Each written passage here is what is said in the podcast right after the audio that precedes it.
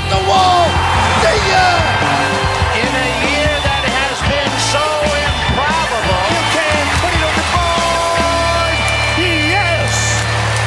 Yes! Ja, het is 17 april 2017 en welkom bij de vijfde aflevering alweer van Just a Bit Outside, de MLB-podcast van Sport Amerika. Ik ben Justin Kevenaar, eindredacteur van Sport Amerika en ook deze week gaan we weer alle ins en outs bespreken van de MLB. Eh, deze week is Lionel Stute er helaas niet bij, maar ik heb gelukkig wel twee andere mensen aan mijn zijde. Allereerst Jasper Roos Hi Justin. en Mike van Dijk. Hoi Justin. En goed, eh, we bespreken even kort voordat we naar het nieuws gaan. Even ons moment van de week. Eh, ja, allereerst jou Jasper, wat is jouw moment van de week? Nou, ik heb eigenlijk eh, één moment van de week en één, één stat van de week die ik tegenkwam. Eh, mijn moment van de week is José Altuve met zijn eh, tien achtereenvolgende slagbeurten waarop hij het, eh, het honk bereikt. Met singles, doubles, walks, noem het maar op. Dat is eh, ja, indrukwekkend. Altuve natuurlijk eh, een geweldige speler. Eh, en als je dan over geweldige spelers hebt, zag ik eh, gisteren op internet een statistiekje over eh, Clayton Kershaw. Die in zijn laatste 10 thuisduels is hij eh, 9 en 0 met een 0,47 ERA, 86 strikeouts en 5 walks. Eh, ik denk dat de discussie over wie de beste werper in de majors is wel weer eh, afgesloten kan worden. Ja, het is geen eh, Rick Porcello in ieder geval. Hè? Dat zeker niet. Nee, precies. Mike, wat is jouw moment van de week? Mijn moment eh, van de week, ja, dan gaan we naar de Miami Marlins. Ik heb er eigenlijk twee. Eh, de eerste was de 9-8 nederlaag die zij thuis leden tegen de Mets. 16 innings, 5,5 uur honkbal. Ik geloof 17 pitchers. Nou, dat zijn wel echt eh, de eh, legendarische honkbalwedstrijden.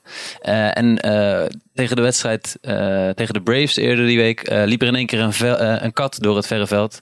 Ook een memorabel moment, zeg maar. Ja, nee, inderdaad. Nee, die, eh, Ja, die werd eh, gedoopt tot Don Cattingley, geloof ik. Dat was eh, zijn nieuwe naam.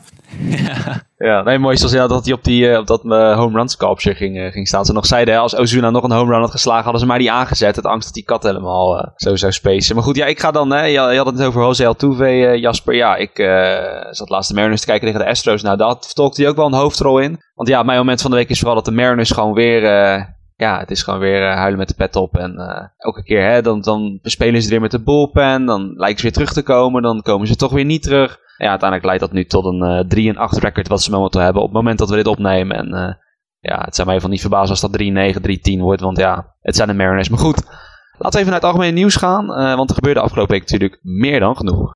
MLB news and notes. En dan beginnen we met wat blessures. Eh, ja, allereerst Clay Buchholz, tegenwoordig pitcher van de Philadelphia Phillies. Die ligt waarschijnlijk aan de kant. Eh, ja, Jasper, wat kan je ons hierover vertellen? Ja, het is opvallend om te zien dat eh, Clay Buchholz eh, eh, ook een gescheurde rechter flexor pronator heeft. En dat is als de mensen die zich goed herinneren hoe het met die blessures van Drew Smiley en Steven Matz zat. Die zullen zich herinneren, dat is dezelfde blessure. We hebben dus nu drie werpers in een tijdsbestek van drie weken die met dezelfde blessure naar de kant gaan. En de, right flexor pronator. De flexor pronator zit, nou ja, als je je arm recht voor je uitstrekt met de binnenkant omhoog, dan gaat hij van de buitenkant van je elleboog over je onderarm schuin naar links voor, halverwege je onderarm. En die zorgt er onder andere voor dat je dus goed je arm kan draaien en zo. Daar zit een scheurtje in bij Clay. Eh, hij gaat komende maandag, dat is dus eh, de 17e, eh, bij Dr. James Andrews langs voor een second opinion. Maar de verwachting is dat hij hetzelfde gaat zeggen. En dat betekent dat hij waarschijnlijk net als Smiley en Mats er ja, tenminste zes weken uitgaat. En zoals we vorige week al bespraken, Smiley is inmiddels op de 60-day DL geplaatst door de Mariners. Dus die zien we voorlopig nog niet terug. Dus dat is wel een, een tikje voor de Phillies eh, dit seizoen. Ja, moet ik zeggen, inderdaad, de twee starts die hij tot nu toe had dit jaar, dat waren geloof ik niet al te, al te gelukkig gestart. Ze heeft dan allicht wat te maken natuurlijk met die problemen. Maar goed, ja, de Phillies hadden denk ik wel um, gehaald in de hoop dat er uh, wat meer uit zou komen tot nu toe. Maar goed, hij is niet de enige, want ja, het seizoen is begonnen en dan zou je altijd zien. Teams worden al meteen getest hoe breed ze zijn. Want ja, Mike, neem ons eens doorheen. Wat voor namen zijn er nog meer die ja, wat terugvalletjes hebben, wat blessures? Ja, laten we beginnen met Jackie Bradley Jr. Die heeft uh, een beetje knieklachten opgelopen. Hij is zijn knie verrekt. Uh, gisteren, vrijdag 14 april, heeft hij weer batting practice gedaan. De verwachting is dat hij eigenlijk gewoon weer na die 10 dagen kan spelen. Al zijn de Red Sox nog wat terughoudend met het communiceren van zijn herstel. Dan is er Adrian Beltre, de Texas Ranger. Heeft al drie kuitspierblessures opgelopen sinds februari. Leek terug te komen eerder deze week, maar heeft een andere deel van zijn kuitspier nu weer verrekt. Er wordt erg voorzichtig mee omgegaan. Lijkt in ieder geval weer twee weken hersteltijd erbij te hebben.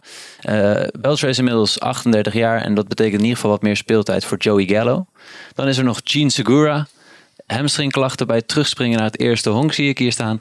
Uh, Seattle Mariners en uh, in de tussentijd speelt Taylor Modder uh, zijn, zijn positie. Buster Posey kreeg een bal op zijn hoofd gegooid afgelopen maandag door Taiwan Walker van de Diamondbacks. Is uit voorzorg op de 7-day disabled list geplaatst en lijkt in ieder geval dinsdag weer te gaan catchen tegen de Royals. wat hebben we verder nog aan namen? Ik neem maar eventjes uh, Garrett Richards. Lijkt ook terug, een terugval te hebben in zijn herstel. Dus is er ook nog niet bij. Uh, Josh Donaldson heeft ook een kuitblessure. Het is helemaal trending, de kuitblessure. Uh, verder is nog Matt Camp met hamstringklachten. Trey Turner met hamstringklachten. En John Gray. Volgens mij kan Jasper daar iets meer over vertellen. maar die heeft een stressfactuur in, in de voet. En die is in ieder geval ook nog enige tijd uitgeschakeld. Ja, voor John Gray is het wel een, eh, een pijnlijk geval voor de Rockies. Want hij had al last van die voet voor zijn laatste start. En tijdens die laatste start werd op een gegeven moment een, eh, een, een bal, een stuiterende bal, over zijn hoofd heen geslagen. Hij sprong de lucht in en landde toen op de voet waar hij last van had. En uh, ja, dat blijkt nu een stressfractuur te zijn in die voet. Uh, dat betekent dat hij er een behoorlijke tijd uit ligt. En Gray was echt uh, een van mijn potentiële echte doorbraakkandidaten van dit seizoen. En als je er nu, ja, als je er tot eind mei uit ligt, dan verlies je wel behoorlijk wat tijd. Dan moet je nog een rehab assignment naar de minors. Dus dan ben je zo nog weer een paar weken kwijt. dus het is doodzonde voor de Colorado Rockies dat, dat ze John Gray nu kwijt zijn aan een blessure die ze eigenlijk hadden kunnen voorkomen door iets zorgvuldiger met zijn eerste klachten om te gaan. Ja, nee, goed, in ieder geval een, een, flink rijtje. Nee, goed, Mike, als je dan toch met het medisch bulletin bezig bent, is eigenlijk ook wat namen waar wat beter nieuws voor is, toch? Ja, ik uh, heb begrepen dat Devin Mesoraco uh, begonnen is als een rehab assignment voor de Cincinnati Reds. Daar zal Lionel ook erg blij mee zijn. Uh, Jorge Soler voor de Kansas City Royals is ook gaat deze week ook beginnen aan zijn rehab assignment. En wat betreft onze landgenoot kan Didi Gregorius, kan Jasper daar volgens mij ook meer over vertellen. Nou ja, Gregorius die is weer begonnen aan het een beetje ballen. hij heeft natuurlijk last van een schouderblessure. Hij, uh, hij heeft weer gefield. Hij heeft weer wat grounders uh, geoefend in het binnenveld. Hij heeft wat swings genomen en hij gooit inmiddels weer van uh, zo ongeveer een afstand van 120 feet. dus die begint langzaam maar zeker ook weer tekenen van leven te vertonen. Dus hopelijk zien we die binnenkort terug in de majors. Vooral ook voor de Yankees. Die kunnen hem volgens mij goed gebruiken op dit moment. Absoluut. Ja, nou goed. dan als we het medisch bulletin dan hiermee afsluiten. ja, vorige week Mike had jij het over SunTrust Park. Keek je erg naar uit de opening van het nieuwe stadion van de Atlanta Braves. En ja, wel, wel leuk. Nog misschien, ja, misschien niet leuk voor jou. Ik weet niet of je het leuk vond. Maar toch een oude bekende voor jou die daar wel uh, ja, een beetje de show stal, hè? Ja, Ender NCRT. We hebben hem uh, natuurlijk naar de Atlanta Braves uh, getrade. maar het is altijd goed om, om oudspelers van de Diamondbacks het goed te zien doen ergens. En Ender NCRT wilde zichzelf duidelijk ja, in de historische boeken zijn naam vestigen. het was Ender all the way gisteravond. Hij had de eerste defensieve uit in het stadion. De eerste hit, de eerste run, de eerste home run. En hij ving ook de laatste uit van het duel. Dus als er ooit een quizvraag komt over de eerste wedstrijd van de Atlanta Braves in SunTrust Park... dan zou ik gewoon gokken op op Ender NCRT en dan zit je 9 van de 10 keer zeker goed. Uh, de Braves wonnen de wedstrijd met 5-2 van de San Diego Padres. Er was een goede sfeer in het stadion. Hank Aaron gooide de eerste pitch. En er waren allerlei Braves legends uh, beschikbaar. Dus volgens mij een mooie start voor, voor de Atlanta Braves in het nieuwe stadion. En dat zeker. Ja, het is alleen op te hoop natuurlijk dat ze de afgelopen jaren niet, niet zoveel meer gewonnen. Ook nu staan ze nog een negatief record. Maar goed, wel leuk dat ze een mooi nieuw stadion hebben.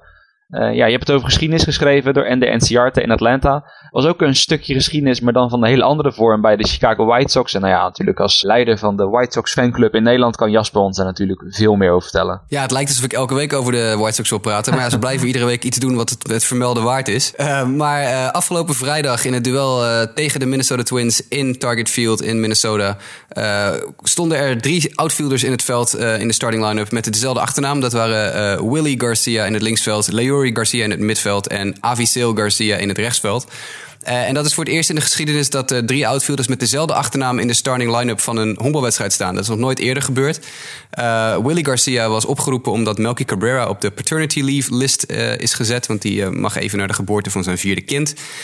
Willie Garcia werd vorige week in AAA uitgeroepen tot de AAA slagman van de week. Hij sloeg meer dan 500 met meerdere home runs, heel veel RBI's, noem maar op. Dus die had zijn call-up verdiend. afgelopen vrijdag werd aan manager Rick Renteria verteld dat hij dus de mogelijkheid had om voor het eerst in de geschiedenis drie keer een Garcia Outfield. Dus drie keer uh, dezelfde naam in het outfield te plaatsen. Hij moest daarom lachen en heeft meteen de eerste wedstrijd aangegrepen om uh, de heren Willie Leori en Avisil Garcia naast elkaar te zetten. Um, het is ook voor het eerst sinds 1963 überhaupt dat drie keer een speler met dezelfde naam in één team zitten. Dat waren in 1963 waren dat Felipe Jesus en Matty Alou. Felipe Alou, wel bekend, vader van Moises Alou. Uh, die speelden toen met z'n drieën voor de Giants in september 63. Alleen ja, die zaten met z'n drieën uh, op de bank. En stonden niet in de starting line-up met, uh, met z'n drieën. Dus de White Sox en vooral de drie heren Garcia hebben wat dat betreft de primeur. Nou ja, we, hadden het net vooraf zaten een beetje over te lachen. Ik bedoel, als je Jaime Garcia op de heuvel neerzet, dan heb je nog een, nog een kwartet. En ja, verder ben je dan denk ik voorlopig wel met de Garcia's. Maar ja, het, zou nog... ik weet niet dat ze op korte termijn Jaime Garcia binnen zullen halen. Maar ja, het, het zou zomaar kunnen. Maar ja, uh, Mike vroeg het net ook al. Ja, welke Garcia ben je dan nog het meest enthousiast over van deze drie? Nou ja, we komen nog terug op uh, Avisil Garcia, want die staat op dit moment in de, ik geloof, tweede in het, uh, batting average klassement. Die, die staat verrassend goed te slaan. Ja, ik ken Willie Garcia niet zo goed. die komt bij de Pittsburgh Pirates vandaan. Die is door de Pirates aan de kant geschoven. Voormalig top prospect van de Pirates, die er een beetje op hem uitgekeken zijn. De White Sox hebben hem meteen opgepikt in de winter. En hij begon heel goed aan het seizoen. Uh, Leori Garcia, die kennen we al, al, jaren. Die speelt al jaren bij de White Sox. Die is uh, ooit uh, in de trade met Texas Rangers... waar toen Alex Rios van de White Sox naar de Rangers verkocht werd. dat de, de, terugkomst was Leori Garcia. het zijn nog jonge gasten, allemaal half in de twintig. Wie weet gaan ze iets geks doen. Maar ik heb nog altijd de meeste hoop voor Avisail Garcia. Ja, veel geschiedenis dus. En er was ja, nog meer geschiedenis. ja, Zach Britton de man die vorig jaar uh, ja, nog bijna in de playoffs hè, door Buck Showalter niet werd ingezet. Dat is een nogal uh, twijfelachtige move. Maar toch heeft hij al wat geschiedenis neergezet. Want even, even naar de vrijdag een record. Ja, Mike van Dijk, hoe zit het ermee? Ja, dat klopt. Zach Britton heeft vrijdag het record van Tom Gordon, de vader van Dee Gordon, geëvenaard. Hij haalde zijn 54ste save op rij. Daarmee is dat hij tweede all-time. Nummer 1 van het lijstje is de Los Angeles Dodger Eric Gagne. En die staat op 84. Die deed dat in de seizoenen 2002 tot 2004. Dus uh, daar moet hij nog redelijk mee doorgaan met het close. Uh, wil hij daarbij in de buurt komen. Uh, de safe stat is officieel sinds 1969 in gebruik. En voor Zach Britton is het in ieder geval bemoedigend dat hij de save opportunities tot nu toe blijft verzilveren. Want in zijn huidige outings dit seizoen valt het nog een beetje tegen. in ieder geval lukt het steeds om zijn saves binnen te halen. 5 uit 5. Maar in 7 innings werk heeft hij tot nu toe een walks, hits uh, per inning pitched van 1,86, een 1,86 whip.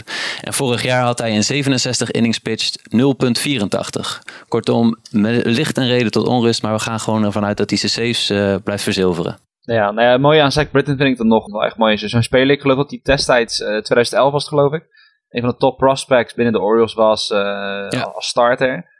Hij eigenlijk toen twee, drie jaar ja, toch wel gestruggeld. Ik geloof dat hij ook steeds minder werd ingezet. Uh, want ja, ik, ik zie die ERA's van 4.61, 5.07. Ja, tot toch zichzelf toen daarna opnieuw ontdekt heeft. En ja, tot nu eigenlijk wel bekend staat als een van de beste closers. Oké, wat je zegt, uh, de walk hits uh, per innings average, dat ligt nu inderdaad wel flink hoog. Dus ja, als hij dat volhoudt, dan zal het ERA waarschijnlijk ook wel omhoog gaan.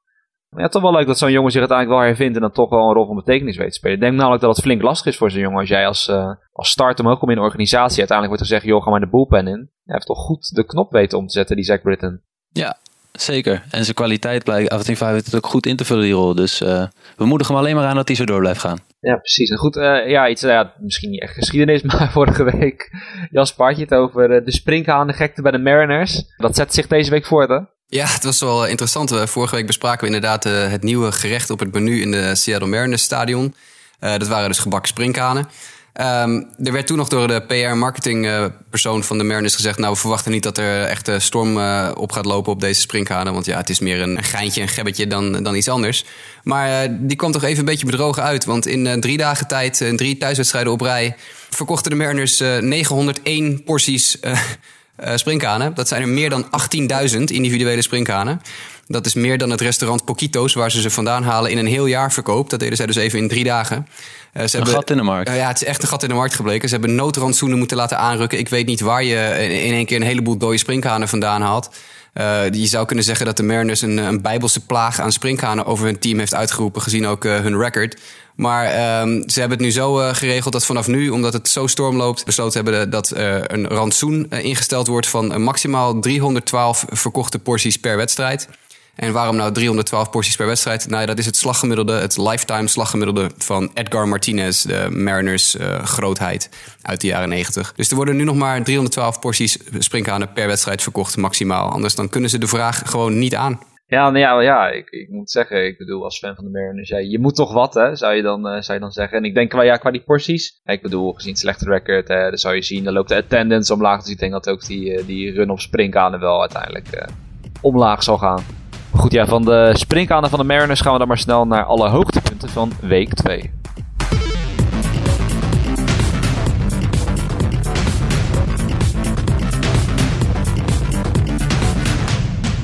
En goed, er waren in week 2 natuurlijk uh, nog genoeg verder uh, meer opvallende zaken. Uh, ja, zal ik eerst mezelf even de leiding nemen weer. Want ja, Johannes Cespedes, we hebben het waarschijnlijk allemaal voorbij zien komen. Ja, die had nogal een aardig wedstrijdje afgelopen dinsdag tegen de Philadelphia Phillies. sowieso een goede series voor de Mets tegen de Phillies. Toen het voor ons nog goed aan het begin van het seizoen, wat mij natuurlijk vrolijk stemde. Maar vooral Cespedes begon wat, wat, wat minder aan het seizoen. En toen, het was geloof ik diezelfde dinsdag, toen zei hij ook tijdens batting practice van, nou ja, het, het, hij leek echt weer op de ouderwetse Cespedes ben ik altijd wat sceptisch als mensen dat voorafgaand zeggen. Want ja, weet je, batting practice, dat is, het is geen wedstrijd, weet je. Dat is altijd wat makkelijker. Maar poeh, daar was iemand even in vorm. Sloeg drie home runs in die wedstrijd. En sowieso Lucas Dura voegde er ook twee aan toe. Mensen waren aardig op dreef toen. En ja, Cespedes, die lijkt echt terug. Dat is toch wel voor elke Mets-fan uh, prachtig om te zien. Goed, ja, er waren er nog wel meer die een paar ballen eruit sloegen. Zo ook George Springer. ja, Mike, dan geef ik daarbij het woord aan jou. Want toevallig, ik moet wel zeggen, ik zat van de week de Mariners tegen de Astros te kijken. De broadcast was net begonnen en uh, toen was George Springer daar. Dan kun je vast wel vertellen wat hij toen deed. Hij sloeg een home run. En uh, dat was niet de, Verrassend. Ja, dat was niet de eerste keer dit seizoen. Van de vijf home runs die hij op dit moment geslagen heeft, waren er vier een lead-off home run. En dat is altijd lekker voor je team als je gelijk uh, on the board bent. Springer is erg goed aan, aan de slag op dit moment. hij lijkt voor het eerst in, in zijn carrière de 30 home runs te kunnen gaan bereiken als hij in ieder geval zo doorgaat. Uh, vier van de vijf home runs kwamen ook toevallig tegen de Mariners. Dus uh, ik kan me voorstellen dat als jij de tv uh, steeds aanzet als ze tegen de Mariners spelen, dat jij George Springer liever niet ziet. Nee, maar ik zat in die wedstrijd live terug te kijken. Het mooie was ook echt dat die mensen van, van de Mariners van Root Sports, die waren nog een soort van voorbeschouwing aan het houden. En toen schakelden ze naar het veld. En toen was die bal die was al gewoon in de tribune. Dus ik dacht al, is dit een herhaling van afgelopen nacht of zo waar ze naar kijken? Maar nee, het was gewoon, oh, it's, it's one nothing Astros. George Springer home run. Ja, dacht, nou, ja, kijk. Ja. Uh, ik denk dat ze voortaan daar ook wel uh, ervan hebben geleerd. Dat als George Springer aan slag is, dan kan je maar beter meteen uh, naartoe gaan schakelen aan het begin van de wedstrijd. Ja, als ik een klein beetje water op het vuur van George Springer mag gooien, moet wel gezegd worden: natuurlijk, een home run is een home run. Maar uh, vier van zijn vijf home runs, dat zijn echt uh, cheapies geweest. Hoor. Je hebt natuurlijk in, uh, in Houston in het linksveld die, die Crawford boxes. Die ah, staan ja, behoorlijk ja. in. en vier van zijn vijf home runs waren echt net, net over het hek heen. Dus het zijn wel cheapies geweest. Maar ja, home runs zijn home runs. In de statistieken telt niet hoe ver ze waren. Telt of, of ze eruit waren of niet. En ja. dat waren ze. Dus wat dat betreft, ja, de home run is een home run. Maar heel hard slaat hij ze nog niet. Nee, maar goed. Misschien weet hij dat op zich ook wel waar hij ze heen moet slaan. Ik weet, Centerfield is inderdaad in Houston. Uh, het is geloof ik wel iets minder ver nu van omdat ze die heuvel hebben weggehaald. Maar dat is dan geloof ik een van de diepste van de, van de hele Major League. Uh, ja goed, het blijven home runs inderdaad. Maakt niet uit waar je ze heen slaat. En dan weet hij in ieder geval de goede plek in het stadion te vinden. Nou ja, wie ook wel de juiste plek in het stadion wist te vinden. Dat was Will Myers van de San Diego Padres. Ja, de Padres komen niet heel vaak in het nieuws. En van de week toevallig, ja, vraag me niet waarom. Maar ik kijk af en toe dan wel eens één wedstrijdje live terug kies ik vaak een beetje random uit. Zet ik de Padres tegen de Rockies aan. Dan denk je van, ja, wat is er nou interessant aan? Maar ja, Will Myers, die schreef daar gewoon een beetje geschiedenis. Of niet, Mike? Geschiedenis is het thema van deze aflevering aan het worden. Dat klopt inderdaad. Hij sloeg de cycle. Uh, achtereenvolgens, hij begon met een single, vervolgens een dubbel, een home run en sloot het af met een triple. Uh, het interessante was aan de triple dat hij een klein beetje leek te struikelen toen hij uh, het tweede honk ronde. Maar hij bleef op de been en haalde daarmee, verzilverde daarmee zijn cycle. Myers tekende afgelopen winter nog een zesjarige contractverlenging voor 83 miljoen in San Diego. En slaat dit seizoen een slaggemiddelde van 3,86 met tot nu toe drie home runs en een OPS van 1177. Dus hij is lekker bezig. Ja, dat, uh, dat kan je wel stellen. Ja, ik had van de week nog een kort stukje opgeschreven. Dat Will Myers het wel een beetje centraal stelt in die hele rebuild natuurlijk van San Diego. Want natuurlijk, het, het zijn nog belangen naar geen contenders. Maar ja, als je zo'n speler in je midden hebt en hij kan het niveau volhouden, dan, dan, ziet de toekomst er misschien toch niet eens zo heel erg verkeerd uit voor de, voor de Padres. Gepaard met wat jonge gasten waar we het straks nog zeker uh, over gaan hebben. Nou, dat vinden ze blijkbaar bij de Padres zelf ook. Want ze hebben uh, het artikel wat je geschreven hebt geretweet op Twitter van de week. Dus dus dat, dat, dat, dat viel me inderdaad op. Ja, dat, uh, waarschijnlijk ze begrepen er geen hout van. Misschien met Google Translate een beetje dat ze de positieve woorden er wel uit konden, koppen pikken. Ja, precies. Ja. Ja, maar goed, ik snap het ook wel. Power race, zo positief komen ze vaak niet in het nieuws. Hè. Vooral vorig jaar was wat dat betreft uh, kommer en kwel. Dus ja, elk positief nieuws, ik denk in welke taal dan ook, dat, uh, dat zal ze tevreden stemmen. Ja, oké, okay, je zei het net, hè, Mike. Geschiedenis is een beetje het thema. Uh, laten we het dan hebben over bijna geschiedenis, of nou niet eens bijna geschiedenis. Twee derde geschiedenis zou je het dan moeten noemen misschien. Ja, want Jasper, er waren ja, geen hele no-hitters, maar ja, twee derde no-hitters, hè. Het is wachten op de eerste no-hitter van dit jaar natuurlijk. Die gaat geheid komen, want uh, dat hebben we de laatste vijf à tien jaar wel gezien... dat er steeds meer gaan komen. Maar de eerste twee werpers van het seizoen die er uh, relatief dichtbij waren... dat waren Derek Holland van de White Sox en Matt Boyd van de Detroit Tigers. Uh, Holland gooide een no-hitter in de zesde inning nog tegen de Indians... wat op zich best wel een prestatie is. Francisco Lindor klapte er op een, een twee-honkslag overheen... en dat was einde no-hitter. En voor Matt Boyd, uh, die nam hem ook uh, in de zesde inning tegen Minnesota. Een iets minder grote prestatie, want Minnesota is een iets minder goed team. Maar ook hij wist hem niet af te maken. Het is wel, uh, ja, vanaf nu is het de vraag wie gaat de eerste gooien. Ik hoop de Padres voor, voor de Padres dan. Chris Sale, vraagteken? Ja, Chris Sale zou, niet, zou, zou geen gekke gok zijn. er zitten nog wel meer jongens tussen die, die kunnen verrassen. Ja. Nou ja, maar zoals ik zei, ik hoop meer de Padres. Ik bedoel, dat geloof ik. Is dat, ik geloof dat officieel nog het enige team is, toch? Dat nog wacht op een no-hitter. Nou, wellicht dat Jared Weaver de komende weken eens een keer heel erg gaat verrassen. Ja. maar ik verwacht het eigenlijk de, niet. De oude, de oude vorm hij vindt, ja. Verder ja, heb ik dan niet heel veel vertrouwen. Misschien, uh, misschien over een paar jaar. Dat waren dus wat mannen in vorm dan afgelopen week. Uh, Jasper, je had het net over de, door jouw uh, geliefde Avisel Garcia. Ja, die heeft tot nu toe een slaggemiddelde van 4, 5, 7. En ja, ze zijn er wel meer jongens aardig op dreef. Ja, inderdaad. Uh, Zach Cozart voert op dit moment de, de majors aan. De, de korte stop van de Cincinnati Reds. Hij slaat 4,67. Uh, op de voet gevolgd inderdaad door Avi Garcia, outfielder van de White Sox met 4,57. Dat zijn natuurlijk namen die je aan het eind van het seizoen niet bovenaan de, de ranglijst verwacht.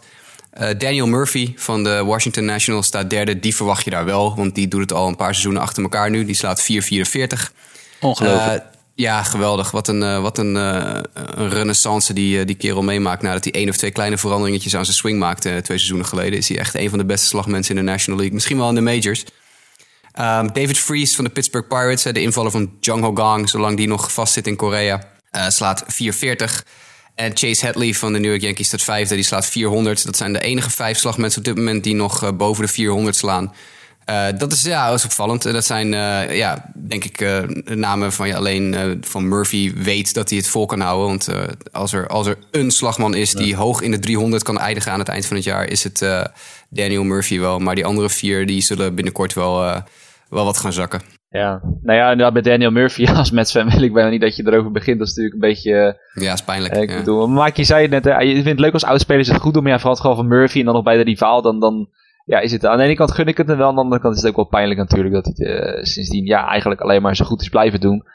En ja, David Fries, ja, die maakte ik geloof ik aan het begin van het jaar nog een klein beetje af. Dat ik zei dat het verlies van Jang Ho Gang, of tenminste het tijdelijke wegblijven van Jang Ho Gang, ja, wel een probleempje zou kunnen worden. Maar ja, tot dusver vult, vult David Fries dat in. En ook, ja, dan verder Zach Kozart. Ik weet niet wat, ja, wat jullie beeld altijd van Zach Kozart is geweest, maar dat vond ik altijd een beetje een van de, ja, misschien wel niet zeggende spelers of zo van de MLB. Van ja, oké, hij speelt wel heel vaak, maar wat, wat, moet je ermee? Ja, ik weet niet of jullie daar iets mee hadden met Zach Kozart, maar dat was altijd een beetje mijn beeld van hem. Nou, we hadden het eigenlijk aan uh, Lionel moeten vragen deze week. Maar ja, die is, ja, wel, uh, die is met zijn onderzeeboot op geheime missie uh, naar Azië. dus hij belt normaal gesproken in vanuit een, een onderzeeër. Hopelijk volgende week is hij weer boven water en kunnen we weer met hem praten over de Cincinnati Reds. En heeft hij misschien wel scouting reports uit Japan of China voor ons. Maar nee, ja, Kozart is inderdaad een, een speler die wel vaker dit soort streaks doormaakt. En dan even uh, ja, een paar, paar weken heel goed is en dan uh, een paar weken weer helemaal niks slaat. En het is een beetje van hetzelfde laken een pak als er meer andere Cincinnati Reds. Hè. Zo'n andere jongen die heel goed staat te slaan, nu Eugenio Suarez. Die uh, nu ook weer echt behoorlijk staat te timmeren. En die vorig seizoen ook een, aan het begin van het jaar een heel goed begin had. Maar echt volledig van, de, van een cliff afknalde aan het eind van het seizoen.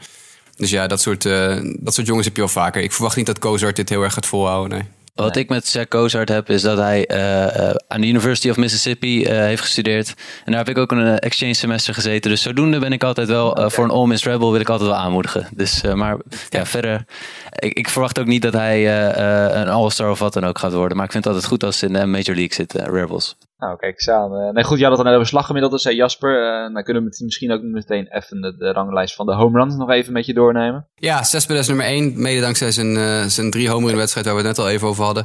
Hij heeft er nu zes in de eerste, nou, pak een beetje twee weken van het seizoen. Chris Davis met een K, de Oakland, Oakland outfielder.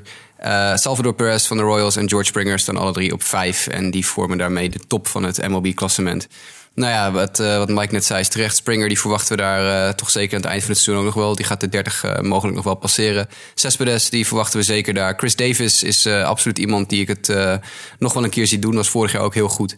Alleen Salvador Perez, die staat hier een beetje als vreemde eend in de bijt tussen. Want ik verwacht niet dat hij aan het eind van het jaar het home run klassement de top 5 gaat halen. Nee. Ja, ik vind Chris Davis echt een opvallende, uh, opvallende naam. Niet dat hij hier tussen staat. Maar als je kijkt, vorig jaar 42 home runs. Nu ook alweer 5 home runs. Ik kan me zomaar voorstellen, ja, er zijn clubs denk ik ongetwijfeld op een gegeven moment wel geïnteresseerd om, uh, om deze speler binnen te halen. Ja, hij zit natuurlijk een beetje hè, iets wat in de anonimiteit natuurlijk bij een Oakland team. Wat ja, waarschijnlijk niet om de, om de prijs zal spelen inderdaad. Dus ja, aan de ene kant, ik denk dat ze hem natuurlijk graag zouden willen behouden. Met, met oog op de toekomst. Maar ja, zou me niks verbazen inderdaad als er echt wel een run-up komt. Als de Oakland Athletics weer gewoon ver ver achter de rest staan. Ja, iedereen... Nou, daar heb je het over spelers die, uh, van, van andere teams die weggaan en het dan heel goed doen. Uh, Chris Davis komt natuurlijk bij de Brewers vandaan. En ze hebben hem daar min of meer eigenlijk uh, ceremonieloos laten gaan. Ik denk dat ze hem nu wel graag zouden willen hebben daar.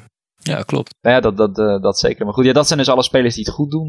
Mike, dan mag jij met ons een beetje de namen doornemen die ja, wel een renaissance vroeg in het seizoen kunnen gebruiken. Ja, uh, ik zal even kort een, een, een, rijtje spelers opnoemen. We hebben Russell Martin, de catcher van de Blue Jays. Die slaat op dit moment 1 uit 28. Jose Reyes, 4 uit 40. Byron Buxton, die nog wel veel positieve uh, kritieken kreeg in aanloop naar het seizoen, heeft op dit moment 3 uit 34 met 19 strikeouts. Uh, Tommy Joseph, first baseman van de Philadelphia Phillies, 3 uit 25. José Iglesias, 5 uit 28. Austin Hedges, 1 uit 27 en Jan Gomes 2 uit 22. Kortom, eh, het seizoen is nog uh, net begonnen, maar uh, deze spelers zullen hoop, hopen dat ze snel wat meer honkslagen binnen kunnen halen om hun, ja, om hun offensieve prestaties omhoog te werken. Ja, sommigen zien er gewoon echt volkomen clueless uit aan slag. Russell Martin, ik heb toevallig een beetje zijn slagbeurt nagekeken gisteren. Uh, die heeft geen idee wat hij aan het doen is. Byron Buxton, eigenlijk een beetje een sneuwe kwestie. Natuurlijk, en het groot talent, heel veel over gesproken aan het begin van het seizoen. Maar uh, als je kijkt naar, uh, uh, als je een paar stats vergelijkt, hè, bijvoorbeeld de, de exit velocity van Byron Buxton en zijn launch angle. Nou, launch angle is dan de hoek waarmee je de bal slaat, dus hoe hoog, hoe scherp die hoek is. Zowel zijn exit velocity als zijn launch angle liggen op een dusdanig laag niveau. Daar kan je uit opmaken dat hij ook, als hij de bal raakt, raakt hij hem totaal niet hard. En hij raakt ze allemaal in een, in een angle, in een launch angle, dat de bal eigenlijk geen kant op kan. Die gaat altijd recht op een speler af, over de grond of op, op, op borsthoogte. Uh, en, en niet hard genoeg. Dus home runs zijn van hem voorlopig ook niet te verwachten. Tenzij hij zijn exit velocity wat omhoog weet te krikken. En zijn launch angle wat omhoog draait. Het is eigenlijk een heel, heel treurig begin van het seizoen voor Byron Buxton. Tegelijkertijd laat het wel zien dat de Twins niet afhankelijk van hem zijn met een hoopvolle start tot nu toe dit seizoen. Nee, dat, dat is dan wel weer waar. Nou hebben ze dat wel, wel slim gedaan door inderdaad uh, meerdere spelers om hem heen te zetten die wel iets kunnen bijdragen. Ja, ja dan weet ik niet of iemand van jullie dan nog ja, dat van Jan Gomes voorbij heeft, uh, heeft zien komen. Maar ik kan me in ieder geval nog herinneren van vorig jaar. Toen stelde hij natuurlijk ook zwaar teleur bij de, bij de Indians. Uh, ik bedoel, toen richting het einde van het seizoen ja, werd hij zelfs vaak naar de bank verwezen. Omdat het gewoon een liability was met een on-base percentage van net, net 201. Ja, nu weer een on-base percentage van 200. Nou, dat slaggemiddelde zit onder de 100. Dat is ook wel een jonge jongen waar ooit heel veel van werd verwacht. Maar goed. Ja, na de contractverlenging niks meer heeft gedaan. Nee. Wat zeggen nu op zijn 29ste dit soort cijfers neerzetten. Dat, dat zet er ook denk ik de Indians wel aan denken of dit wel überhaupt een oplossing is voor een catcherpositie. Nou, ze hebben natuurlijk een van de grootste catchertalenten in de minors. Hè. Die speelt in AAA nu, Francesco Mejia. En uh, ik denk dat het voor Gomes nu een kwestie is van uh, de plek warm houden voor Mejia. Want die is zo goed als Major League klaar. En Mejia is een van de beste slaande catchers in de, in de hele minor leagues. Dus de Indians zullen zich voor de toekomst niet heel veel zorgen maken, denk ik. En dan heb ik nog een kleine update trouwens, wat net ook over uh, Jose Reyes. Die speelt natuurlijk nu op dit moment een beetje korte stop, maar vooral eigenlijk derde honk. Uh, David Wright hopen ze nog steeds dat hij natuurlijk terugkomt, maar die had uh, schouderproblemen. Hij heeft in ieder geval deze week weer te horen gekregen dat hij weer mag beginnen met wat gooien. Dus het is te hopen voor de Mets dat David Wright ergens dit seizoen nog een keer terug gaat komen. Ja, als David Wright op het veld staat, dan worden, dan worden Mets fans sowieso blij van. Dan moet ik zeggen, ik heb de hoop dat David Wright ooit weer echt een echt goed niveau uh, bereikt. Wel een beetje opgegeven, is natuurlijk wel treurig, maar goed, ja. Je, nee, dat is terecht. Het is nou een beetje hoe het is gelopen, maar ja, ja, ja, je verwacht het niet meer. Nee, totaal niet. Nee, die, uh, geweldig om met te kijken. David Wright in zijn, in zijn, uh, zijn gloriedagen was echt een van de beste spelers in de majors. Maar met al die rug- en schouderblessures van de laatste paar jaren, nee, dat is einde verhaal. Ja, goed. eh, als we het dan over spelers hebben, hè, Jasper had het dan over met een veelbelovende toekomst. Eh, ja, op Sport Amerika maak je wekelijks tegenwoordig de Rookie Watch. Eh, neem je de top 10 beste rookies van dit moment, neem je met ons door. Ja, misschien kan je nogmaals dat rondje met ons doornemen van ja, rookies die tot dusver in positieve zin opvallen. Ja, de, de top 10 van afgelopen week was een beetje eh koffiedik kijken nog. Want er is natuurlijk relatief weinig gebeurd nog in de majors. Ik, ik had Tyler Glasnow op, op nummer 10. En Glasnow had echt een bedroevende start aan zijn seizoen. Die werd in 1,2 innings helemaal eh, kapot geslagen. Heeft nu een, eh, een ERA van 27 en een whip van 5,4. Nou heb ik in mijn hele leven nog nooit een whip van 5,4 bij een werper gezien. Dus dat is echt... eh, is niet best. En hij gaat ook zeker uit de top 10 vallen. Eh, als hij het schip niet weet te rechten. Hij speelt eh, zaterdagavond. Dat is, we zijn nu zaterdagmiddag nemen wij op. Vanavond speelt hij tegen de Cubs. Gooit hij tegen de Cubs. Als hij daar een beetje redelijk doorheen komt, heeft hij nog een kans om iets te redden. Maar ik ga ervan uit dat Glasnow komende week in de Rookie Watch niet meer in de top 10 staat. Eh, datzelfde geldt helaas voor, voor iemand die ik wel heel hoog heb zitten. En die we ook wel kennen in Nederland. Dansby Swanson van de Atlanta Braves. Swanson die stond negende in de afgelopen week in de top 10. Met een slaggemiddelde van 156. Hij, is, eh, hij was toen 5 uit 32. Inmiddels is hij eh 6 uit 40.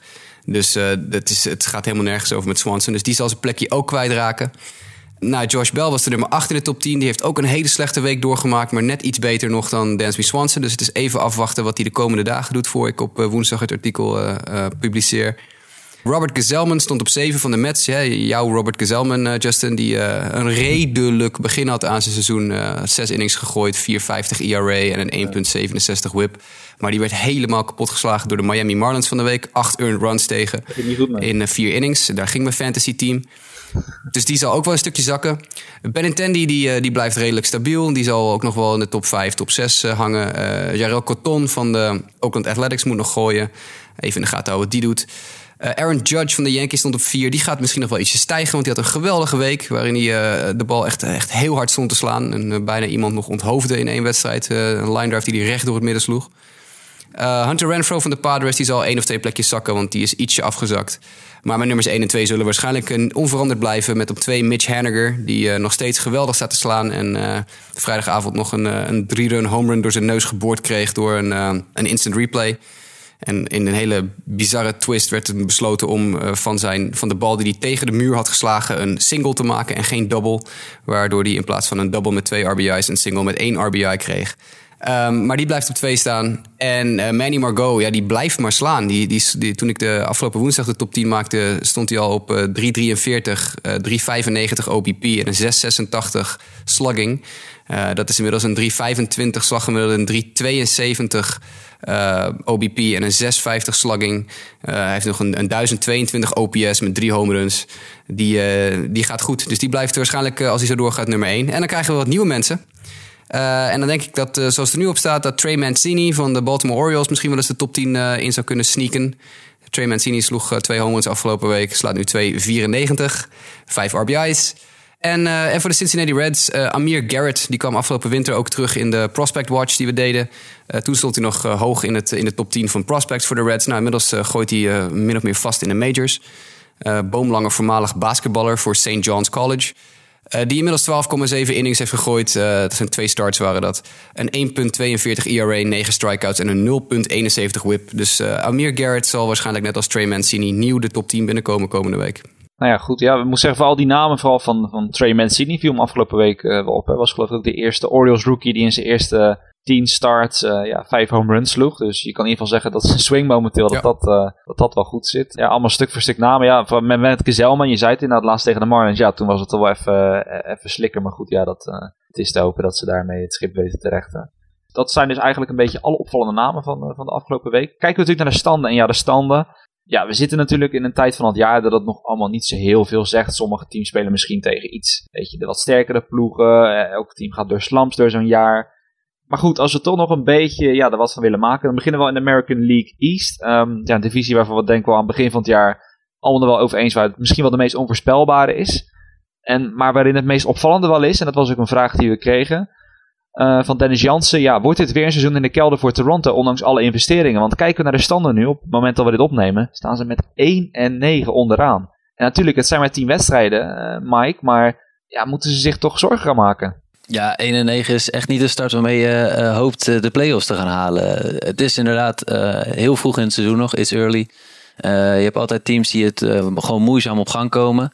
Maar ja, een blessure als die van Josh Donaldson helpt natuurlijk niet mee. Eh, en het punt is wel een beetje ook dat de Toronto Blue Jays gaan eigenlijk voor een wildcard spot. Waarschijnlijk is Boston, zijn de Boston Red Sox gewoon dit seizoen te goed en gaan die de divisie winnen. Dus iedere wedstrijd die je dan verliest kan cruciaal zijn. Eh, Baseball Prospectus heeft ook altijd eigenlijk een analyse eh, die ze gedurende het seizoen bijhouden. Waarbij ze kijken van wat is de kans eh, dat een team de playoffs haalt. En eh, daarbij verwerken ze ook de laatste resultaten iedere dag. Eh, het grappige is dat ze daar op dit moment 12,5% eh maken om de playoffs te halen. Eh, met een 1 en, of dat was nog met een 1 en 8 record. Eh, de Baltimore Orioles die stonden toen op een 6 en 2 record. Die hadden 13,7% kans. Dus ja, dat zegt procentueel gezien misschien iets. Maar eh, dat geeft in ieder geval voor mij aan dat het nog vroeg in het seizoen is en er nog een hoop kan veranderen. Eh, maar ik ben benieuwd wat er gaat gebeuren met Toronto. eh, Toronto. Dus wedstrijden in april zijn eigenlijk net zo belangrijk als de wedstrijden in september. Dus het is te hopen dat ze de komende maand in ieder geval, of in ieder geval de rest van de maand nog ja, redelijk bijtrekken. Maar het wordt, het wordt lastig, denk ik. En een van onze collega-redacteuren bij ehm, Sport Amerika, Hans Mulder, die schreef afgelopen vrijdag nog een, eh, een interessant artikel eh, op de website over het, het feit dat de Blue Jays zo'n dramatische start doormaken. Het is wel de moeite waard als, eh, als je nog niet gelezen hebt om even te lezen. Blue Jays kunnen de parachute nog niet vinden, is het artikel genaamd. En die, die nuanceert het ook wel een klein beetje hoor. Hij heeft dan inderdaad, geeft duidelijk aan, de, alle losses zijn zo ongeveer op één na met, met één punt verschil. Dus het, het is echt, als het, als het dubbeltje de andere kant op valt, dan, eh, dan staan ze ineens heel anders ervoor. Dus het, er is wel iets te nuanceren voor, eh, voor de Blue Jays. Maar inderdaad, een goed begin is dit absoluut niet. Ja, en in, in aanvulling daarop, ik bedoel, het, het zijn inderdaad steeds narrow losses. Uh, maar ze staan wel op dit moment, voor zover de statistieken er op dit moment iets over uh, toe doen. Uh, ze staan laatst als team in slaggemiddelde, OPS, gestolen honken en runs. En één na laatste in home runs. En ja, voor een team dat vorig jaar met Carnacion en Bautista en Donaldson toch redelijk bekend stond om, om home runs en dergelijke. Ja, valt dit toch tot nu toe best wel tegen. Ja, en Donaldson geblesseerd nu en op ja. de DL. Dus ja, dat speelt ook mee. Nee, had inderdaad vooral die offensive output. En nu je het zegt, als je een nederlaag kijkt tegen Baltimore 2-3, 1-3, laatst tegen de Rays 2-3, een keer tegen de Brewers 0-2. Allemaal wedstrijden waarin gewoon die offensive outputs eigenlijk ja, nekt. Ja. En ja, goed, jullie zeggen het natuurlijk. Het, het, het, kan wel weer goed komen. Inderdaad, als je kijkt naar die statistieken, de meeste uh, sites die dat soort percentages erop nahouden, geven de Red Sox nog steeds als torenhoog favoriet aan. En zeggen dan eigenlijk van de Blue Jays, Orioles, Yankees zitten ongeveer rond hetzelfde percentage, waar de Orioles dan vaak net iets hoger zitten je wilt toch niet dat dit te lang doorgaat? Want ja, ik bedoel, nu is het 1 en 9. Wat als het straks ineens uh, je 3 en 15 is of zo, 3 en 16? Ja, dan, dan is het wel echt paniek. En vooral als je naar het schema kijkt. Uh, ja, de, de, Red Sox komen tegen Orioles, spelen ze dit weekend nog verder tegen Cardinals, die misschien weer een beetje gaan herpakken. Uh, het wordt er niet makkelijker op. Dus ja, ik ben zelf ook benieuwd hoe de, de Blue Jays en sowieso voor Canada. Ik bedoel, misschien een beetje naar buiten kijken. In het ijshockey, dat leeft natuurlijk ook weer in Canada. Verloren in de playoffs ook al in, al in wedstrijden. Dus ja, Canada op dit moment, dat Gaat op sportgebied niet heel erg uh, gelukkig. Gaan we terug naar uh, de divisie met allemaal Amerikaanse teams. De American League Central. Met jouw White Sox, uh, Jasper. Nou, die staan momenteel netjes in de middenmoot. eigenlijk een divisie waar de verschillen nog redelijk klein zijn. Tigers staan bovenaan. Hebben één wedstrijd voorsprong op de Twins. Anderhalf op de White Sox. Drie op de Royals. En dan ook drie op de Indians. De ja, grote favoriet in deze divisie. Die dus momenteel laatste staan. Ja, Jasper, uh, je White Sox staat nu derde, maar als je kijkt naar de rest van de divisie, uh, ja, verwacht je dat de Indians alweer gewoon de weg omhoog vinden? Ik denk het wel. Ja, ik denk het wel. Het, wat tot nu toe verrast voor mij is, uh, is Minnesota. die zijn beter dan ik had gedacht. En de White Sox doen het lang niet slecht. De winnen regelmatig ook met één run verschil. Dus dan zitten we nu eventjes wat dat betreft aan de goede kant van de medaille. Dat zal ook wel een keer weer om kunnen vallen naar de andere kant. En dan zakken we weer een stukje. Maar uh, nee, deze divisie is op dit moment uh, maak ik me nog geen paniek als ik een Indians fan ben. Uh, Detroit staat bovenaan 7 en 3. Detroit zag er echt niet goed uit deze week hoor. Cabrera die moest echt even op gang komen. Die heeft inmiddels wel weer een, zijn aardige swing gevonden. de bullpen in Detroit is echt een absolute puinhoop. Ik heb toevallig redelijk wat Tigers fans in mijn kennissenkring. En die, die sturen mij regelmatig aan het eind van de dag of midden in de nacht weer paniekberichten van... we hebben echt serieus de slechtste bullpen in de majors, want die storten om de havenklap helemaal in. Uh, er worden al t-shirts gemaakt uh, uh, in Amerika, in de buurt van Detroit. Ik drink omdat ik de Tigers kijk, dat soort dingen. Dus het is echt niet zo'n goed team als ze er nu uitzien, maar die gaan wel, dit wel redelijk vol kunnen houden. Minnesota die gaan iets zakken, denk ik. Cleveland komt alweer terug. Alleen Kansas City vind ik heel opvallend. Die zijn ja, heel matig begonnen. Spelen ook een heel matig soort honkbal. Mike Moustakas is wel goed bezig. Hosmer speelt waardeloos. Um, Salvador Perez is goed begonnen. Danny Duffy is goed begonnen. Maar daar heb je het wel eens een beetje gehad. Jason Vargas, die viel wel heel erg op in positieve ja. zin van de week. Die heeft nu twee starts gemaakt. Komt terug van een zware elleboogblessure. En die, is, die staat goed te gooien.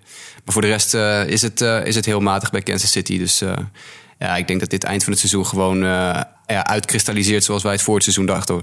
Nou ja, wat je zei met de Royals, hè, wat me daar van de week dan vooral opviel, een paar wedstrijden die ik van zag. Die boel, je hebt het over de bullpen van de Tigers, maar bij de Royals... Ja, dat is ook een puinhoop. Dat is, dat is ook een puinhoop momenteel. Dat, dat was altijd de kracht van het team. Met denk maar die teams die de World Series hebben gehaald. Dat, dat was vaak juist de kracht van de bullpen, dat ze net genoeg scoorden. Bullpen die de wedstrijd op slot kon gooien het is ook gewoon volledig weg nu. Dus ja, dat... Nou, ze hebben de eerste paar relievers ook alweer naar AAA teruggestuurd. Matt Strom onder andere, toch een groot talent. Stond bekend als echt een van de, ja, de potentiële nieuwe sloten op de deur. En die is alweer teruggestuurd naar AAA. Want die, uh, die stond betting practice te gooien de hele week. Ja, nou ja, daarom. Uh, goed, als we dan verder kijken nog in de American League. Dan kom je natuurlijk bij de American League West uit. Uh, Astros zijn goed begonnen met 7 en 4. Op het moment dat we dit opnemen, dan staan er achter de Angels, Athletics, Rangers. En ja, onderaan dus troosteloos uh, de Mariners. Is meteen een vraag, ja, hoe, hoe verder moeten de Mariners zich zorgen maken? Het was altijd Mariners baseball. My, oh my. ja, maar ja, dat, valt echt dat tegen. is het. Ja, ik heb het dan van de week tegen de Astros zitten kijken. En dan, dan, dan zie je ook, ook weer die wedstrijden waar het dan in principe in het begin wel goed gaat. Want ik bedoel, ja, ze, ze hebben genoeg aanvallende wapens wel in principe als het een beetje voldoende draait. Maar ja, dan, dan ook daar dan weer. De bullpen is dan ook daar weer gewoon. Ja, de bullpen die dan voorsprongen verspeelt. Uh, ja, er zijn, zo zijn er wel meerdere aspecten. Gewoon. Ook ja, de pitching die misschien niet helemaal zo begint als je zou willen. En ja, dan sta je 3 en 8. En in een divisie waar dan ja, de Astros gewoon goed zijn. De, de Rangers die, oké, okay, staan nu nog negatief. Maar die gaan het ook echt wel, uh, echt wel vinden. En de Angels die dan misschien wel iets beter beginnen ja, dan ja. we hebben gedacht. Ja, het wordt wel heel moeilijk voor ze, denk ik. Ja, dat denk ik ook. Ja, je moet in de gaten houden ook... Uh als je het vergelijkt bijvoorbeeld met vorig jaar, hè, de Astros, die vorig jaar uh, waar veel van werd verwacht. Verschillende projectiemodellen voorspelden vorig jaar dat de Astros ongeveer 54% van hun wedstrijden zouden winnen. Uh, en vanaf hun elfde duel wonnen ze 53% van hun wedstrijden. Dus dat klopt wel ongeveer. Dat, dat liep heel erg gelijk op met wat de voorspellingen voor hen in hadden gepland. Alleen ze begonnen het seizoen 3 en 7. Nou, zoals de, de Mariners nu, wat is het, 3 en 8 zijn. Dus een vergelijkbare start is als de Astros vorig jaar. En ondanks dat de Astros vorig jaar vrijwel precies op hun projectie presteerden, misten ze door die eerste ja. twee weken, die drie en zeven twee weken, misten ze de playoffs. En dat is toch uh, voor de Mariners-fans wel, wel pijnlijk om te, om te zien. Nou ja, inderdaad, als ik dan een beetje, tenminste die projections die ik hier voor me heb zien staan, dan, dan, dan zouden de Astros op dit moment de torenhoge favoriet moeten zijn om die divisie te pakken met dan Rangers 2 en dan Mariners net erachter nog wel op derde. Dus, dus voor de Angels bijvoorbeeld, die wel beter zijn gestart dan je zou verwachten. Maar ja, zeg maar, gezien al het optimisme wat er al was, is het geen hele leuke start. Maar goed, gaan we... Ik verwacht wel dat ze komende week uh, uh, bij gaan trekken. Ik bedoel, ze krijgen de Marlins en de Athletics. Als je dan echt serieus voor, voor de playoffs wil gaan, dan, dan verwacht ik dat Seattle de komende week goede resultaten zal boeken. Ja, ik hoop het. Ik hoop het. als we dan aan de andere kant gaan, National League East, uh, ja, daar gaat al wel eens van tevoren even erover. Daar gaat eigenlijk alles wel zoals je ja, zou verwachten momenteel. Met Nationals bovenaan, Marlins die vallen een beetje tussenin. En de Braves en Phillies, ja, die staan onderaan. Eigenlijk, ja, Mike, eigenlijk is hier niks verrassends, toch? Nee, nee. Uh, we hadden het zo ongeveer uh, allemaal al voorspeld. En ja, zo is het. En ik, ik zie ook weinig opvallende dingen die daar gewoon van afwijken.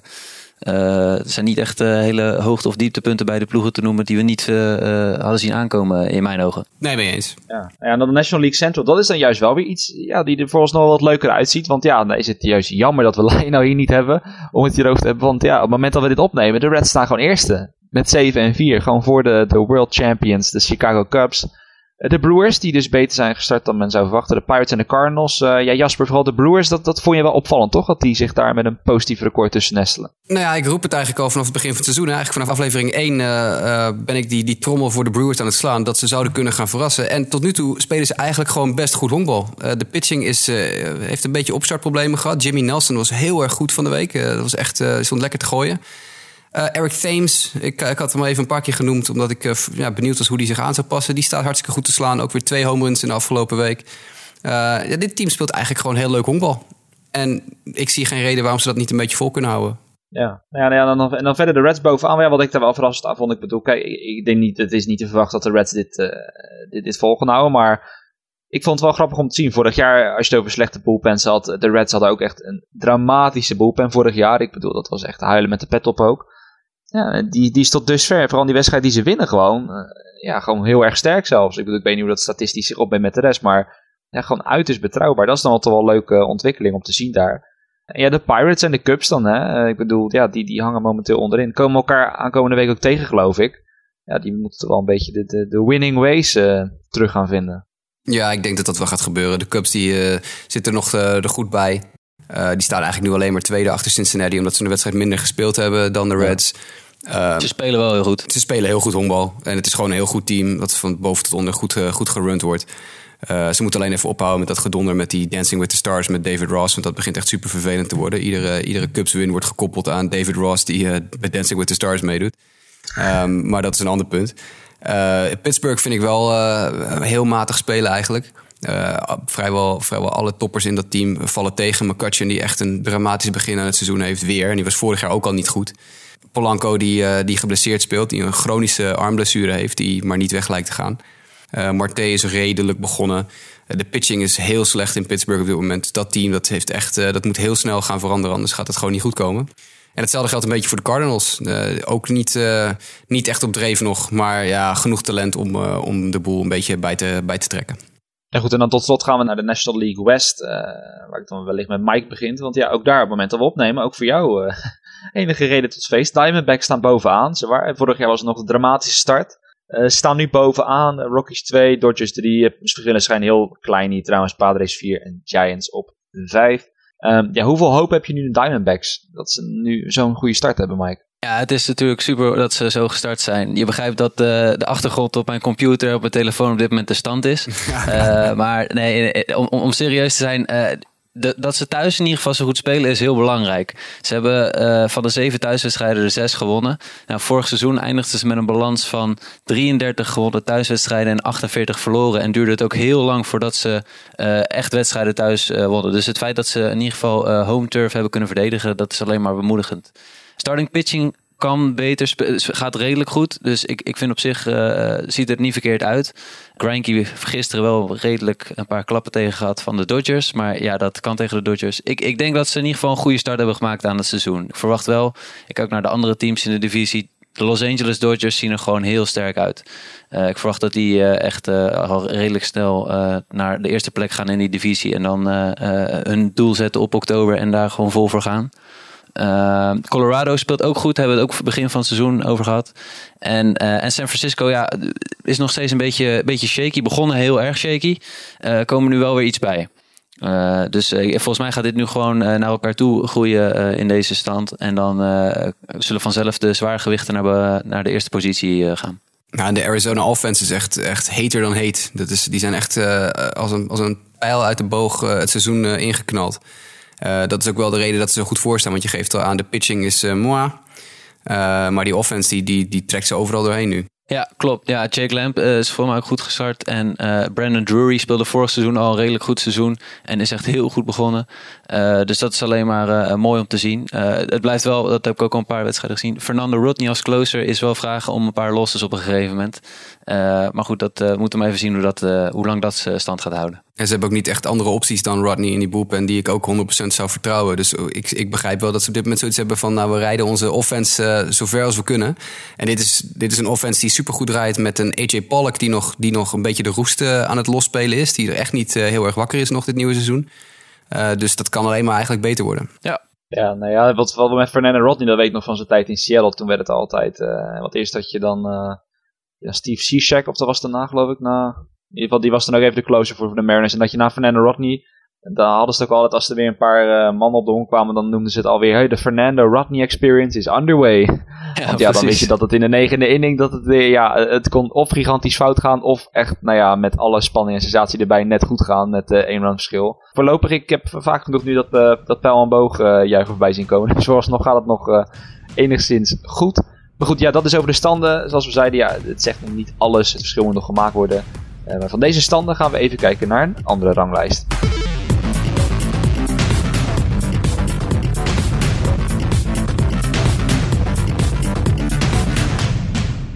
Ja, want van de week kwam er een ranglijst uit van Forbes. Eh, ja, dan gaat het over een ranglijst van de meest waardevolle clubs in de MLB. En ja, ik denk de top 3 of ja, top 5 kun je misschien beter zeggen. Zal niet heel veel mensen veranderen. Het zijn teams uit de, uit de grote steden. De New York Yankees 3,7 miljard. De Dodgers 2,7 miljard. Red Sox 2,7 miljard. De Cubs 2,7 miljard. En de San Francisco Giants ook afgerond 2,7 miljard. Uh, ja, verder op de lijst, alle teams staan er dus op. Jasper, begin ik bij jou. Wat vind jij eigenlijk het meest opvallend aan deze ja, ranglijst van meest waardevolle clubs? De onderste drie is niet, uh, dat verrast me niet heel erg. Uh, de Cincinnati Reds staan onderaan, uh, of, die staan tweede van onder met 915 miljoen. De A's staan daar nog één stapje onder met 880 miljoen. En de Rays zijn laatste in de majors als het op waardevolle clubs aankomt met 825 miljoen. En dat zou natuurlijk wel weer passen in het plaatje dat uh, ja, mocht er een team gerelocate moeten worden, dan zouden dat de Rays waarschijnlijk zijn, want die zijn gewoon niet zo heel veel waard. En dan heb je het over niet zo heel veel. Je hebt het over 825 miljoen dollar. Maar oké, relatief gezien niet zo heel veel waard.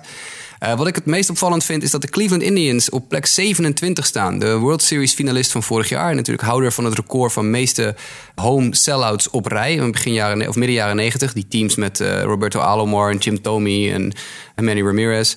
Albert Bell. Het team verkocht wedstrijd na wedstrijd na wedstrijd uit. En inmiddels is, het, is die club gezakt naar plek 27 op die ranglijst. 920 miljoen dollar zijn ze waard.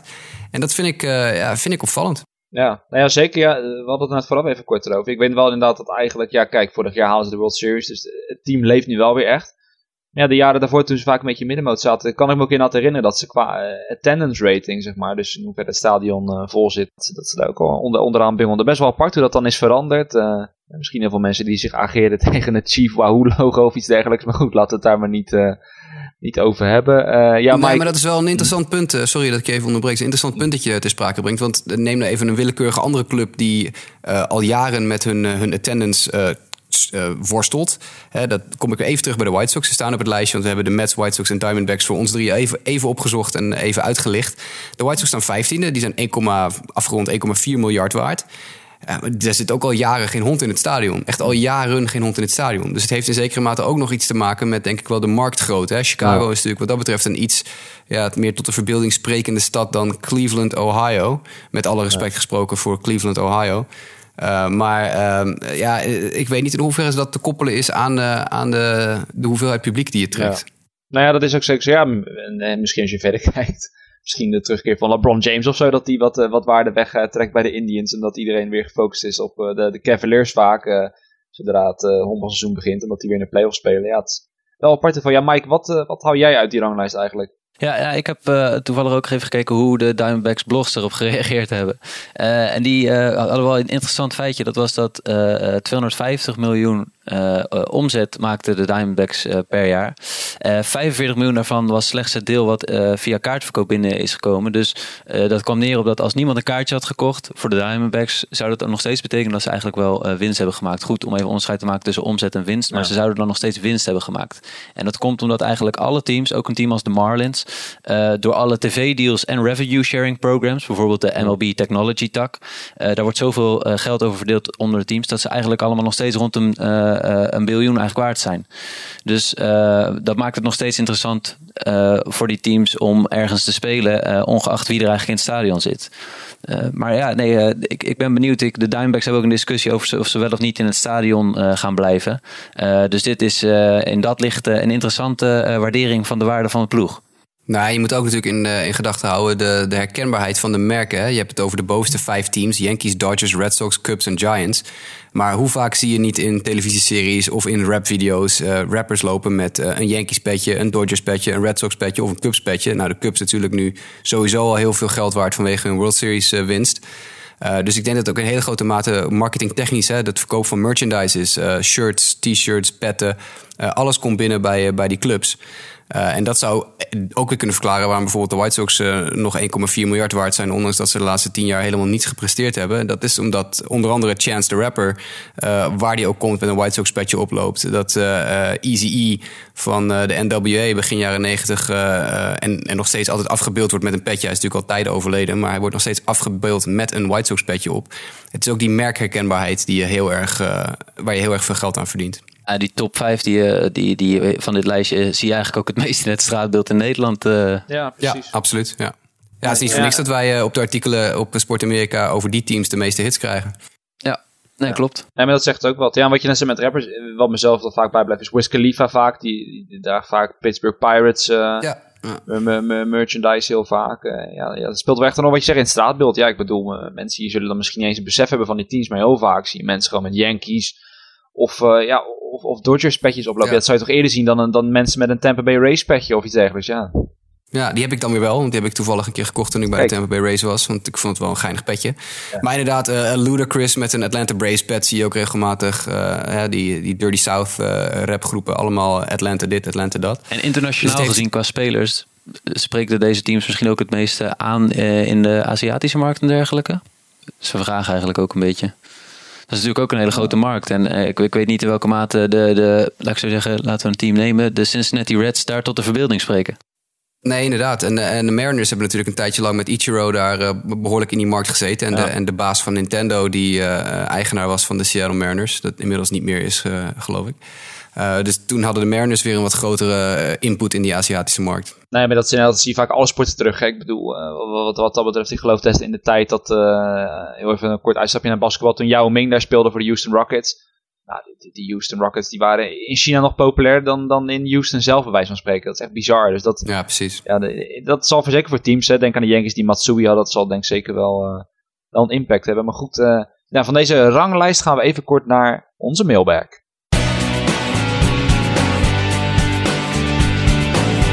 Just a bit outside. Mailbag. Ja, goed, ja, de mailbag. eh, ja, we hadden helaas maar, maar één vraag. Dus ja, als je meer vragen hebt, stuur ze vooral via onze social media kanalen naar ons toe. Eh, we hebben desalniettemin wel een vraag van Marco Post. En die vraagt aan ons: wat zijn de Rangers aan het doen met Jurickson Provar? Geef hem speeltijd of verkoop hem? Ja, Mike, wat zeg jij? Ja, eh, bedankt voor je vraag. Eh, we hebben even gekeken naar eh Jurgen Provar. Ik heb even gekeken naar zijn, zijn statistieken en hoe hij speelt de laatste dagen. En hij heeft in de afgelopen drie dagen is hij wel weer in de line-up opgesteld. En heeft hij alle drie dagen ook een, een hit geslagen. Dus wellicht dat hij zich nu zo langzaam gewoon als vaste waarde in de line-up slaat. Ik hoop het in ieder geval wel. Hij heeft natuurlijk een ontzettend goede World Baseball Classic gespeeld. Indrukwekkende cijfers toen ook neergezet. Dus wellicht dat het nu nog een beetje meeweegt bij de Texas Rangers. Dat hij niet helemaal spring bij hun heeft eh, meegemaakt. Ik weet het niet. Eh, maar goed, ze spelen in ieder geval eh, met een platoon linksveld van Delino de Shields, Ryan Rua en, en Jurgen Provar. Eh, en ik heb eigenlijk wel het idee dat Provar is op veel plekken inzetbaar. Dus er komen vanzelf blessures. Neem Adrian Beltre. Eh, en dan komt er denk ik gewoon meer ruimte om, om Provar steeds meer in die line-up ook te krijgen. Dus eh, ik, eh, ik, ik denk dat hij gewoon vanzelf meer speeltijd gaat krijgen. Ja, nou ja, dat is dan een beetje ding, dingetje wat ik heb. Van, kunnen we eigenlijk misschien niet stellen, Jasper, dan zal ik wel naar jou toe spelen, dat eigenlijk zijn veelzijdigheid, aan de ene kant is het een zegen, want wat Mike zegt, als er blessures zijn, dan ben je op veel plekken inzetbaar. Maar ja, andere kant, die veelzijdigheid, dat zijn vaak dan ook die spelers, die managers dan het liefst maar hè, als eerste optie op de bank houden. Van, mocht iets gebeuren tijdens een wedstrijd of iets dergelijks, dan heb ik die jongen achter de hand, die kan op heel veel plekken erin komen. Ja, dat is inderdaad geen gekke, geen gekke gedachte. Eh, ja, ik, ik weet niet, ik, ik, snap het niet zo goed. Ik snap het al twee jaar eigenlijk niet zo goed wat ze met Profar aan doen zijn. Natuurlijk, eh, drie, vier jaar geleden was hij nog de nummer één prospect in baseball. Ehm, iedereen wilde hem hebben. En nu zijn er zelfs verhalen dat hij af en toe al aangeboden wordt in, eh, in trades aan eh, andere teams. Eh, hij moet gewoon even de kans krijgen. Hij moet gewoon lekker, lekker een beetje ballen. En, en op deze manier, dat inderdaad dat, eh, dat op en af, zo- zo'n week waarin je dan drie keer speelt of zo, dat, dat gaat je geen ritme opleveren. Dus ik, ik, ik, ik begrijp niet zo goed wat de Rangers eigenlijk met hem aan het doen zijn. Ik snap Marco's vraag wel. Ja. Ja, zijn veelzijdigheid ja, speelt hem inderdaad misschien wel een beetje apart in dit geval. Ja. Ja, nou ja, daarom, ja, kijk, en dat is dan ook als je even de, de, de depth chart erbij pakt. Ja, momenteel bijvoorbeeld, ja, eh, kijk hier naar het infield, en Rooknet Outdoor, en Elvis Andrews, Joey Gallo die nu op, op derde honk en altijd staat. Nou ja, kijk, je zou kunnen zeggen, ja, in het left field, maar goed, ja, dan, dan kiezen ze ook voor Ryan Rua en te line de Shields eh, heel vaak. Ja, er is gewoon... Of geen- Nomar. Ja. Want Mazzara die kan rechts en links spelen. Dus als, ze als ze Mazzara een keer van rechts naar links willen schuiven... en Sin Chu Chu eh, in het rechtsveld willen zetten, kan dat ook gewoon. Dus ze hebben in het outfield gewoon, gewoon in principe 1, 2, 3, 4, 5... eh, bijna ja, misschien wel zes jongens staan met Provider niet eens meegenomen... die daar, in, die daar kan spelen. Dus dat is, ja, dan heb je gewoon iets, iets te diep in het outfield. Maar, maar goed, als we dat dan misschien nog even kort zouden meenemen. Stel, hij wordt getrade, hè, de Rangers bieden hem af en toe aan. Stel, ze denken van, nou, we kunnen er iets leuks voor terugkrijgen. We doen hem weg. Eh begin met jou, Mike. Wat zou dan een team zijn waarvan je denkt van, daar, daar zou die wel goed kunnen passen? Poeh. Eh, voor nu, ja, de, de Yankees, omdat ze op dit moment eh, wel iets met een... Ja, ik denk dat die daar wel zou passen. Eh, maar goed, die, die komt er weer aan. Ik zou het niet zo heel zo 1, 2, 3 weten. Nou ja, misschien Jasper. Team waar, waarbij je meteen denkt van dat zou die echt goed, goed kunnen doen. Nou, kom maar door. De White Sox. Kom maar. ja, wij hebben wel wat. Ik bedoel, als, als de Rangers nog een pitcher willen, we hebben nog Jose Quintana. En wij nemen onder andere Profar graag over. Ja, ja daarom, maar dat zou, ja, dat zou dan inderdaad wel meteen, meteen een goede fit zijn inderdaad, weet je. Dan, dan komt er misschien wel zelfs ook nog iets bij naast Pro voor inderdaad. Hè? Dat, ik bedoel, pitching, daar krijg je altijd veel voor terug natuurlijk voor een Quintana. Zeker, ja, ja. Is dat niet één op één? En de White Sox zijn echt heel erg op zoek naar, naar jong, bijna Major League ready of Major League ready talent. Eh, die zijn echt niet op zoek naar jongens van 17, 18 jaar die net gedraft zijn. Er zit er wel eens eentje tussen. Maar eh, ze willen in principe willen ze jongens hebben die al zo goed als klaar zijn. Want ze zijn van plan om volgend jaar of het jaar daarna een run te gaan maken. En Profar past perfect in dat plaatje. Nee, ja, in dat opzicht kan ik me daar aansluiten. Want ik zit even ook al die teams door te nemen. Inderdaad, als je, kijkt naar wat, wat ze te bieden hebben en welk pad ze willen bewandelen. Nou ja, de, White Sox laten we maar misschien kijken of we niet indirect wat kunnen, wat, wat, kunnen regelen. Maar dat zou inderdaad wel, eh, wel een hele goede optie zijn. Ja. Dus ja, laten we het hopen. Of anders in ieder geval hopen dat, hè, mocht er bij de Rangers wat, wat ruimte komen, dat in ieder geval daar aan spelen te komen. Dat is eigenlijk toch wat, eh dat ik allemaal het liefste zien. Dat eh, onze landgenoot ja, gewoon wekelijks eh, aan speeltijd komt. Ja, dat is het belangrijkste. Ja. Goed, ja. En, en daarmee komen we aan het einde van, van deze, ja, toch wel vrij lange episode, denk ik, als ik zo kijk. hè. Ik zie dat we nu over het uurtje zitten. Ja, een uurtje lang eh, MLB-nieuwtjes, feitjes. Maar goed, ja, volgende week dus eh, week drie. Ja, laten we nog een kort rondje maken dan. Waar kijken we naar uit, Mike? Ja, ik kijk heel erg uit naar de comeback van Seattle komende week. Ik, heb er, eh, ik geloof erin dat zij eh, tegen Miami en eh, tegen de Oakland Athletics kansen maken. En als ze er echt voor willen gaan, dat ze dat de komende week in ieder geval een stap in die richting gaan zetten. Dus goede week voor jou, hoop ik, Justin. Nou ja, ik hoop het ook. Eh, jij Jasper, waar kijk jij naar uit? Eh, ik ben nieuwsgierig naar eh, Pirates Cardinals. Dat begint halverwege de week, ik geloof op dinsdag. Twee teams die, die laag staan in hun divisie... en die toch wel voldoende talent moeten hebben om, om het schip te rechten. Mis- misschien is dit wel het keerpunt voor, voor een van beide teams. Een, een sweepje voor de Cardinals of een sweepje voor de Pirates... zal gelijk het, het plaatje in die divisie heel anders maken. Ik ben wel nieuwsgierig wat er gaat gebeuren. Ja, in dat opzicht hebben we, we hebben het net over dan de comebacks van de Mariners en van de Pirates en Cardinals. Ja, de Blue Jays hebben we het erover. Die staan stijf onderaan hun divisie. Die spelen vanaf dinsdag tegen de Boston Red Sox. Ja, de grote favoriet in de divisie. Eh, Ja, wordt gewoon heel interessant. Ja, kunnen de Red Sox de Blue Jays nog iets verder in dat moeras duwen? Of kunnen de Blue Jays gewoon laten zien dat ze echt wel gewoon een team zijn om, eh, om rekening mee te houden? Eh, misschien dan wel leuk voor de mensen die bijvoorbeeld een, een MLB Game Pass hebben of iets dergelijks. Op donderdag spelen ze zelfs vroeg. Dan spelen ze al, als ik het goed heb, om half zeven Nederlandse tijd. Het is dan school day. Ik weet niet of daarmee te maken heeft, maar dat zie ik hier staan.